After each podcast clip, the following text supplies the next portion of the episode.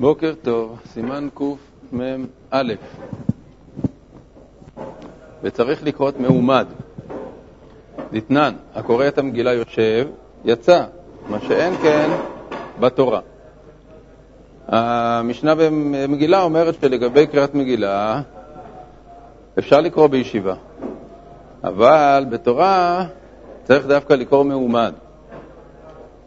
ומטעם זה נמי צריך להיזהר שלא לסמוך. דאמרינא בפרק ב' דזבחים, עמידה מן הצד, פירוש, על ידי סמיכה איכא בניהו. לרבנן לא אוהב עמידה. יש שם מחלוקת תנאים אם אדם שעומד ונשען, אם זה נקרא שהוא נקרא עומד, לגבי אה, כהנים שהם צריכים גם כן לעמוד לשרת בעמידה. אז מי שנשען, האם הוא נקרא עומד או לא, ולהלכה קיים עליהן שלא, שלא נקרא עומד. עכשיו, מה זה נקרא נשען? נשען הכוונה שאם ייקחו את המשענת אז הוא ייפול.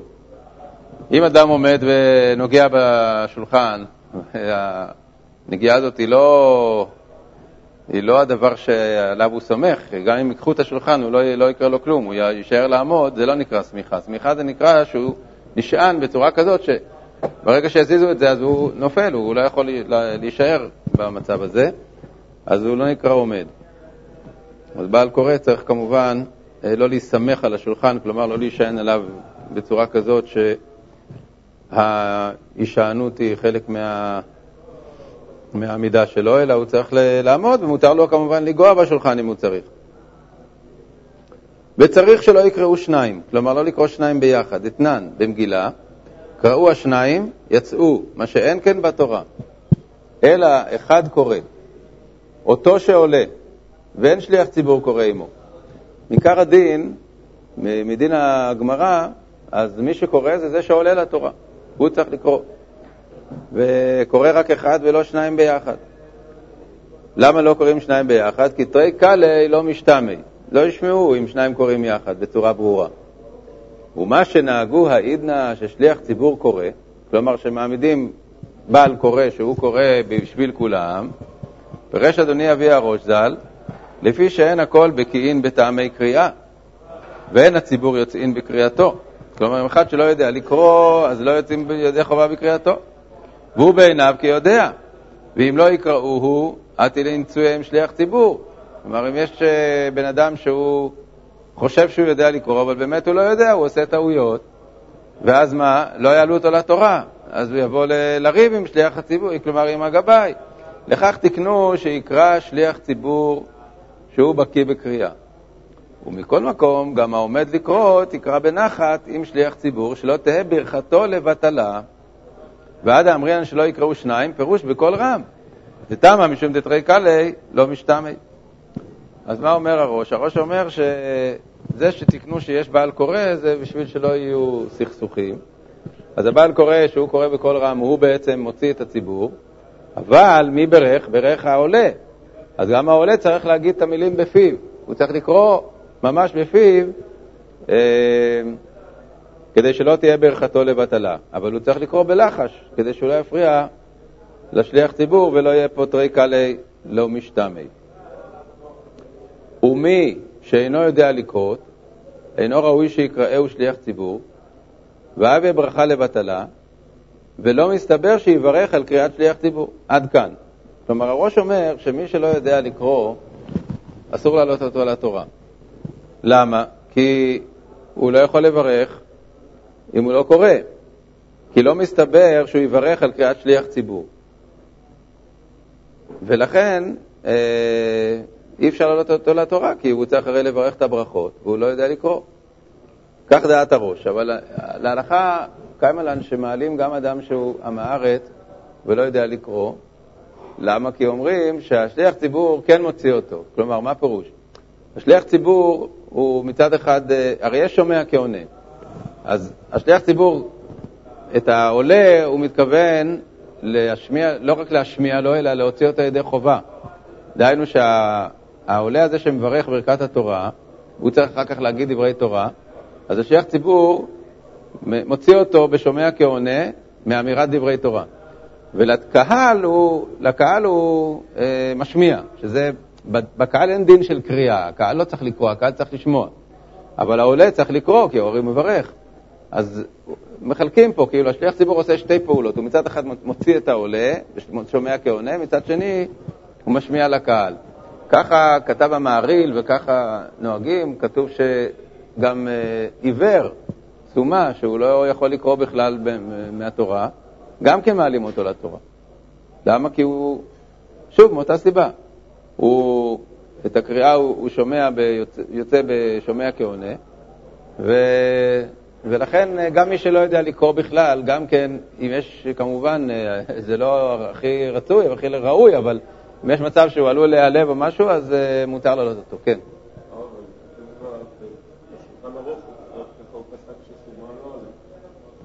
אבל הרמ"א כותב בפירוש, וגם האחרונים כותבים שככה נוהגים. בקל"ט, נדמה לי, כן, הרמ"א כותב בקל"ט, ומהריל כתב דעכשיו קורא סומה כמו שאנו מקרים בתורה לעם הארץ. רוצה לומר, אומר המשנה ברורה, רוצה לומר שאנו נוהגים להקל אפילו אם אינו יכול לקרות עם השליח ציבור מתוך הכתב. ולדינה כבר כתבו האחרונים דנהגו להקל כמעריל. חוץ מאשר פרשת פרה, פרשת זכור, לא להעלות אותם, אבל uh, כך נהגו, שמעלים גם מי שהוא לא יודע לקרוא בכלל. עכשיו, לגבי העניין של ה... ששליח ציבור קורא, אז כידוע הרי יש עדות שעדיין אה, כל מי שעולה קורא בעצמו. כלומר, הדבר הזה ש... שיש בעל קורא, שהוא קורא בשביל כולם, זה לא חיוב, להפך, זה, זה מנהג שנעשה כדי לא לבייש את מי שלא יודע. אבל uh, מותר גם, uh, גם היום שה... עולה יקרא בעצמו, כפי שנוהגים התימנים למשל, שכל אחד שעולה הוא קורא בעצמו. יש עוד כאלה. טוב, בכל אופן, אה, רצוי כמובן שה, שהעולה ידע לקרוא היטב, או, לכל הפחות יקרא יחד עם השליח ציבור בצורה נכונה. כן, אז הטור מוסיף, ומי הוא יודע לקרות כשמקרין אותו, שמעתי ממנו זה שפיר דמי. כלומר, שגם אדם שהוא לא יודע בעצמו את ה... הוא לא זוכר בעצמו את הקריאה, אפילו לא רק מבחינת הטעמים, אפילו מבחינת הניקוד, הוא לא יודע, אם היה צריך לקרוא לבד בספר, בספר התורה, הוא לא היה יודע לקרוא נכון, אבל כשה, כשהבעל קורא קורא, הוא קורא יחד איתו, אז זה גם, אז זה בסדר, הראש אומר. אבל בלבד שיקרא בעצמו. אבל כפי שאמרנו, המעריל פוסק שגם כשהוא לא קורא בעצמו בכלל, אה, הוא גם כן אה, יכול לעלות בדיעבד. ואם שליח ציבור רוצה לברך בעצמו ולקרות, כלומר, הגבאי, זה שמעלה את האנשים לתורה, או ה... ה... סליחה, שליח ציבור פה זה לא הגבאי, זה הקורא, הקורא בעצמו, בעל הקורא. הוא רוצה לברך בעצמו ולקרות, צריך שיהיה אחר עומד אצלו. זה תניא בתוספתא, טעיתי, זה לא הגבאי, כי אנחנו, אנחנו אה, מדברים לפי הדין רק על שניים שצריכים להיות שם, הקורא והעולה. אז לכן הוא אומר שאם אם הקורא, אם אה, הבעל קורא רוצה לעלות, אז צריך שיהיה עוד אחד אצלו. דתניא בתוספתא, החזן העומד לקרות, אחד עומד ומחזן עליו עד שיקרא. וגרסי הנמי בירושלמי, רב שמואל בר יצחק על לבי קנישתא, וחזה חזנה דקרא ולא קאי בר איניש תחותי. הוא קרא לבד ולא היה אף אחד על ידו. אמר לי, אסיר לך, כשם שניתנה על ידי סרסור, ככה אנו צריכים לנהוג בה על ידי סרסור. כלומר, שצריך שיהיו שני אנשים על יד הספר תורה בקריאת התורה, הקורא והעולה. אז אם הקורא בתורה הוא בעצמו עולה, אז צריך לעמוד שם אדם אחר. עכשיו, אנחנו היום נוהגים שיש שלושה, כלומר שיש הקורא, יש העולה ויש האדם שקורא לאנשים לעלות לתורה, דהיינו הגבאי. אז יש כאלה שנוהגים שגם כשהגבאי עולה לתורה, אז בא עוד אדם שלישי אה, אה, לעמוד, אה, שיהיו שלושה, אבל זה לא מעיקר הדין, מעיקר הדין צריך שניים. אז אם יש, אה, אם אה, יש שם שניים, אז זה בסדר, רק שלא יהיה אחד בלבד, דהיינו שהבעל שה, קורא, כשהוא, כשהוא עולה לתורה, צריך להיות עוד אחד איתו.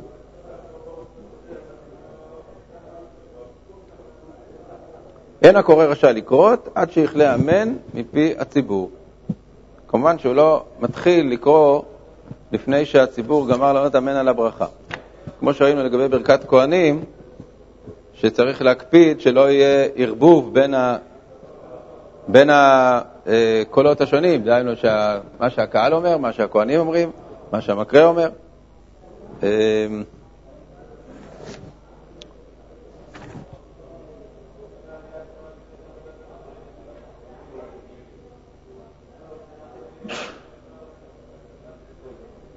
זה המשנה ברורה אומר לגבי השלושה, אומר המשנה ברורה, זה לא מופיע בכלל בשולחן ערוך. בשולחן ערוך כתוב רק כמו הטור, דהיינו שצריך שניים שיעמדו חוץ הקורא והעולה. המשנה ברורה אומר, נוהגים שהגבאי עומד אצל ספר תורה, וזה נקרא סגן, כדי שיהיו שלושה. באמת זהו מנהג קדמונים, שיהיו שלושה עומדים אצל ספר תורה, ו... מה הוא אומר על זה? לא, לא אומר ש... לא מקפיד על זה שאם הגבאי יעלה אז שיבוא שלישי, אבל ככה גם נוהגים למעשה. שאם הגבאי עולה לתורה, אז uh, נוהגים שיעמוד שלישי, כי יש מקור לעניין הזה של השלושה, הוא מביא מקור ממסכת סופרים, שיהיו שלושה. סימן קמ"ב, כתב בעל המנהיג, בעל המנהיג זה היה רבי אברהם הירחי, שהוא היה מחכמי פרובנס, שעבר בכמה ארצות בימי חייו, ובכל מקום הוא ראה את המנהגים השונים וכתב אותם בספר שלו, ספר המנהיג. הוא היה אה, מפרובנס, עבר לאשכנז, היה באנגליה, ואחר כך עבר לספרד, ונהיה שם בספרד חבר בית הדין של הרמה, הרמה אבולעפיה. אז הוא היה ממש גם צרפתי, גם אשכנזי וגם ספרדי, וידע את כל המנהגים, והוא כתב ספר המנהיג. כתב בעל המנהיג, אם טעה הקורא או החזן המקרא אותו, טוב שלא להגיע לו על שגיגותיו ברבים, שלא להלבין פניו. ואף על פי שטעה בה, יצא ידי קריאה. דהית במדרש שאם קרא לאהרון הרון, יצא. והרמב"ם ז"ל כתב, קרא וטעה אפילו בדקדוק אות אחת, מחזירים אותו עד שיקראנה בדקדוק. אז יש פה מחלוקת קיצונית. לפי הרמב"ם, מי שטועה בכל דבר, כל טעות, טעה באות אחת שהוא לא קרא אותה נכון, דהיינו שהוא קרא אותה בניקוד לא נכון, מחזירים אותו. ולפי בעל המנהיג, אפילו שהוא טעה טעות אה, גדולה, לא, לא, לא, לא מעירים על אה, שגגות ברבים, כי אף על פי שטעה בה יצא ידי קריאה. אבל אה, למעשה הפוסקים אה, עשו פשרה, דהיינו שהם אומרים, הרי הראש הרי כתב, גם כן, שלא יצא, שאם הוא, הוא לא יודע לקרות, ראינו בסימן הקודם, אה, לפי שאין הכל בקיאים בטעמי קריאה ואין הציבור יוצאים בקריאתו. הראש כותב בפירוש שאם אחד לא יודע היטב, לא שהוא לא יודע לקרוא בכלל, אלא שהוא לא בקיא, אז הציבור לא יוצא ידי חובה בקריאתו. אז בית יוסף אומר שהחילוק הוא בין מי שטועה בדבר שמשנה את העניין, לבין מי שטועה בדקדוק שזה לא משנה את העניין. אם זה טעות שאיך שעכשיו זה נשמע, זה, זה, מילה, זה מילה בעל, בעלת תוכן אחר, זה משנה את העניין, כלומר משנה את, ה, את הפירוש של המילה, אז צריך להחזיר. אבל אם זה רק דקדוק שהוא לא משנה את העניין, אז לא צריך להחזיר. זה, ככה אנחנו נוהגים למעשה. וצריך כמובן לדעת אה, מתי זה נקרא משנה את העניין ומתי לא. בשביל זה צריך לדעת דקדוק, כי מי שלא יודע דקדוק, אז הוא לא יודע, גם אם זה, הוא לא יודע להחליט אם זה משנה את העניין או לא. כי למשל, אה, דוגמה פשוטה וידועה, העניין של אה, באה ובאה. אה, והנה רחל בתו באה עם הצאן. אז באה זה בהווה, ובאה זה בעבר. אז אם הוא טועה ואומר במקום באה, באה, זו שינה את העניין. כי הנה רחל בתו באה, כלומר פירוש דבר שהיא כבר הייתה שם, שהיא באה, באה מקודם. אבל התורה אומרת, והנה רחל בתו באה עכשיו, עכשיו הוא רואה, עכשיו היא מגיעה. אז זה משנה את העניין. וכך אה, הרבה דברים אחרים שצריך לדעת את הלשון בשביל לדעת אם זה משנה את העניין או לא.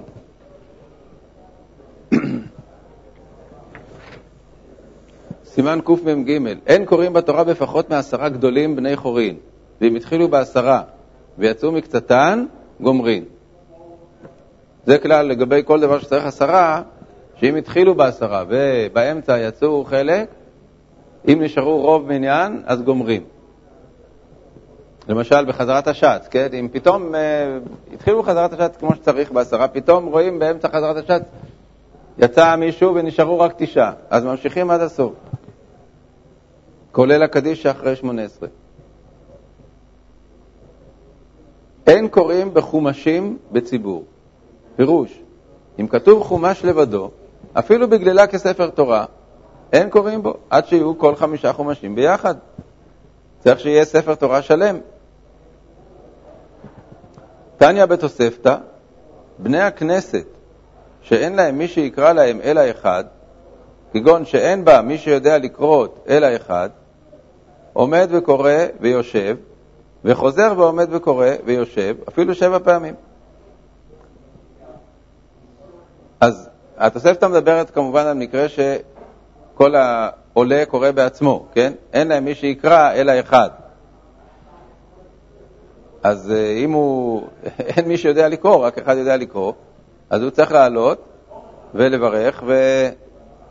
ולעלות עוד פעם, ואחר כך לעלות עוד פעם. עכשיו, למה כתוב יושב? אז הוא אומר, כתב אדוני אבי הראש ז"ל, דזו התוספתא נשנית לפי המנהג הראשון, שהיה ראשון מברך לפניה והאחרון לאחריה. לכך צריך להישב בכל פעם ופעם להיכר השם שבעה. אבל העידנא שצריך לברך בכל פעם ופעם ברכה ראשונה ואחרונה, אין צריך לשב. כמו כהן שקורא במקום לוי ואין צריך לשב. כן, הוא מסביר שמה שכתוב שיושב זה בשביל שיהיו שבעה קרואים. אז איך, איך ידעו שיש שבעה קרואים? אם מברכים רק ברכה אחת לפני הכל, וברכה אחת בסוף, ככה היה דין המשנה, שרק הראשון והאחרון מברכים, אז הוא יקרא ויקרא ויקרא ולא ידעו שזה שבעה קרואים, אז לכן כתוב יושב ועולה. אבל לדידן, שאנחנו מברכים, כל עולה ועולה מברך ברכה לפניה ולאחריה, אז ממילא מה שהוא עושה, הוא צריך לברך לפניה ולאחריה, ואחר כך עוד פעם לברך לפניה ולאחריה, ואז אנחנו יודעים כמה קרואים יש. עכשיו, אבל זה, זה לפי מה שאמרנו, לפי דעת הראש, שמי שלא יודע לקרוא לא יכול לעלות. אבל לדידן, שאנחנו נוהגים שגם מי שלא יודע לקרוא יכול לעלות, אז אם יש אחד שיודע לקרוא, זה יהיה הבעל קורא, ויעלו את האנשים, שאפילו שהם לא יודעים לקרוא, הבעל קורא קורא ומוציא אותם. עיר שכולה כהנים או לוויים, כולם קוראים בתורה. פעמים זה הראשון, לפעמים חברו. מה שאמרנו שלא קוראים כהן אחר כהן, זה כמובן רק כאשר יש אופציה אחרת. שיש לך בבית הכנסת גם ישראלים. אבל אם כולם כהנים, אז ברור שקוראים כהן אחר כהן, כי אין שם חשש של פגם. לא יגידו, הראשון פגום, לכן קראו את השני. כי כולם כהנים, אז יודעים שאין פה, פה אפשרות אחרת. בבית כנסת שיש גם ישראלים ולוויים, אתה קורא כהן אחרי כהן, אז יגידו, מה, מה, מה, למה היה צריך לעלות עוד כהן? כנראה הכהן הראשון פגום. אבל אם זה בית כנסת שכולם כהנים, אז עולים כהן אחר כהן, לוי אחר לוי.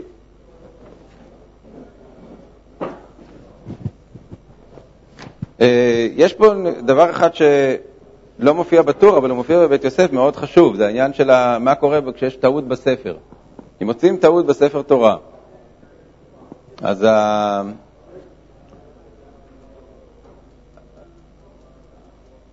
הבית יוסף כותב בשם, בשם אה, טוב, זה מתחיל ככה. מזה שכתוב פה אין קוראים בחומשים בציבור, דהיינו שאפילו חומש שלם לא ראוי לקריאה, אז מזה לומדים שצריך שיהיה ספר תורה שלם. מה זאת אומרת ספר תורה שלם? מה קורה כאשר יש טעות בספר תורה? אז ברמב"ם כתוב שספר תורה שיש בו טעות, הוא לא קוראים בו. כך כתוב ברמב"ם בהלכות אה, ספר תורה. כי הספר תורה פסול, אז לא קוראים בו. אבל יש תשובה שמופיעה בצ... בכתבי צאצאיו של הרמב"ם, תשובה שהרמב"ם כתב, שהוא חזר בו ממה שכתוב במשנה תורה, והוא כותב שספר תורה שיש בו טעות, אפשר לקרוא בו בתורה בציבור. הוא פסול לעניין זה שלא קיימו מצוות כתיבת ספר תורה בספר, בספר הזה. לפי הרמב"ם הרי צריך בשביל לקיים את מצוות כתיבת ספר תורה, לכתוב ממש ספר תורה. לא מספיק אה, לקנות ספרים או חומשים או ספרים אחרים, אלא צריך לכתוב ספר תורה. אז אם הספר תורה יש בו טעות, הוא פסול ולא קיימו את המצווה. אבל לגבי קריאת התורה, זו תשובה שמביאים בשם הרמב"ם בסוף ימיו, שהוא כתב כן להכשיר קריאת התורה בספר אה, שיש בו טעות, שזו תשובה שיש כאלה שמפקפקים עליה, אם זה באמת הרמב"ם כתב.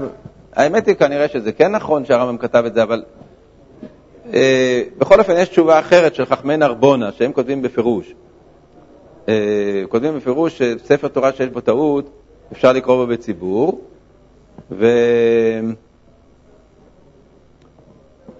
המקורות האלה, התשובה של חכמי נרבונה ותשובת הרמב"ם, אה, זה דבר שסומכים עליו בדיעבד. כלומר, לכתחילה, אם יש ספר תורה שיש בו טעות, לא מוציאים לספר תורה לקרוא בו, לא קוראים בו, לכתחילה. אבל אם אדם קרא, ופתאום באמצע הקריאה הוא מוצא טעות, מה שקורה לפעמים, כן? באמצע הקריאה פתאום מוצאים בספר תורה טעות. אז האם צריך לחזור ולקרוא מתחילת הפרשה עוד פעם כאילו שלא קראנו? התשובה היא שלא. סומכים על דעת חכמי נרבונה והרמב"ם בתשובה בדיעבד. כלומר, שמה שקראנו עד עכשיו, יצאנו ידי חובה. מעכשיו לא נמשיך לקרוא בספר שיש בו טעות. אז לכן מוציאים ספר תורה שני. עכשיו, מה עושים במצב הזה? אומר בית יוסף, ומי הוא מורי הרב הגדול, מערי בי רב, זלהה, רבו של הבית יוסף בארץ ישראל היה מערי בי רב, שהיה ראש הישיבה בצפת ושהוא היה מחדש הסמיכה.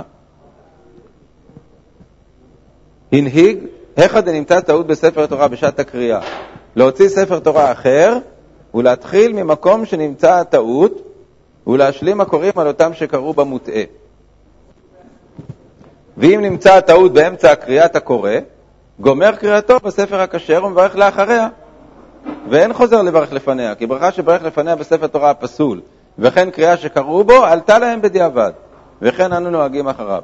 כלומר, הבית יוסף אומר שאם נמצאה טעות באמצע הקריאה, מכניסים את הספר תורה המוטעה, מוציאים ספר תורה חדש, וממשיכים כאילו לא קרה כלום. כלומר, אם הקורא היה באמצע העלייה שלו, אז הוא ממשיך לקרוא בלי לברך לפניה.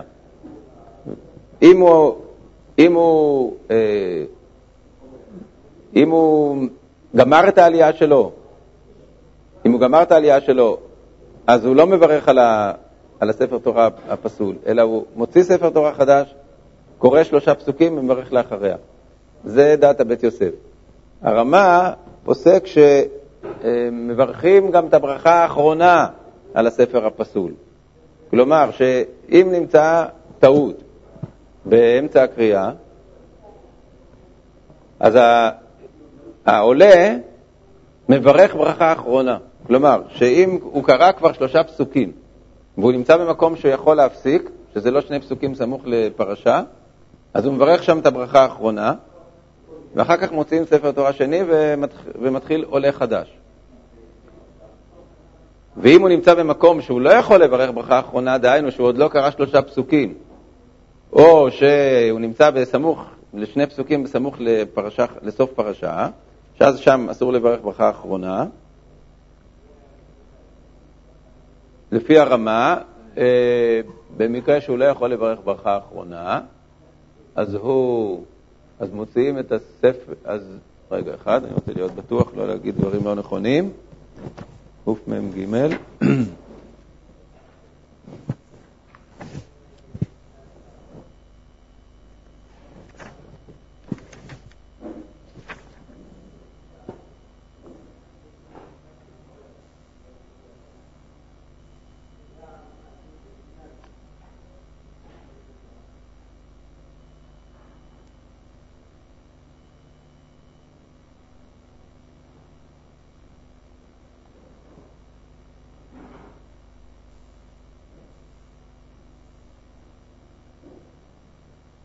אז אם הוא לא יכול לברך שם, אז הוא, אז הוא ממשיך לקרוא בספר תורה הכשר עד המקום ש... עד סוף הפרשה או עד סוף העלייה שלו, ומברך שם. עוד פעם, לפי המחבר, תמיד לא מברכים את הברכה האחרונה על הספר הפסול, אלא מוציאים, בין אם אתה יכול עכשיו לברך, בין אם אתה לא יכול עכשיו לברך, מה זה נקרא יכול לברך או לא יכול לברך? אם כבר קראתי שלושה פסוקים, ואני לא נמצא בשני פסוקים סמוך לפרשה, אז אני יכול לברך שם, אני יכול כבר להגיד, קראתי כבר את העלייה שלי. אז לפי השולחן ערוך עצמו, לא מברך, אלא מוציא את הספר תורה השני, ממשיך בו עד המקום שהוא היה צריך לקרוא. לפי הרמה, אם הוא יכול לברך, דהיינו שהוא כבר קרא שלושה פסוקים ולא נמצא שני פסוקים סמוך לפרשה, אז מברך את הברכה האחרונה לספר הפסול, ובספר השני כבר קורא, קורא חדש. ואם הוא לא יכול לברך, אז עושה כמו השולחן ערוך, דהיינו שעובר לספר הבא וגומר את הקריאה שם ומברך אחריה.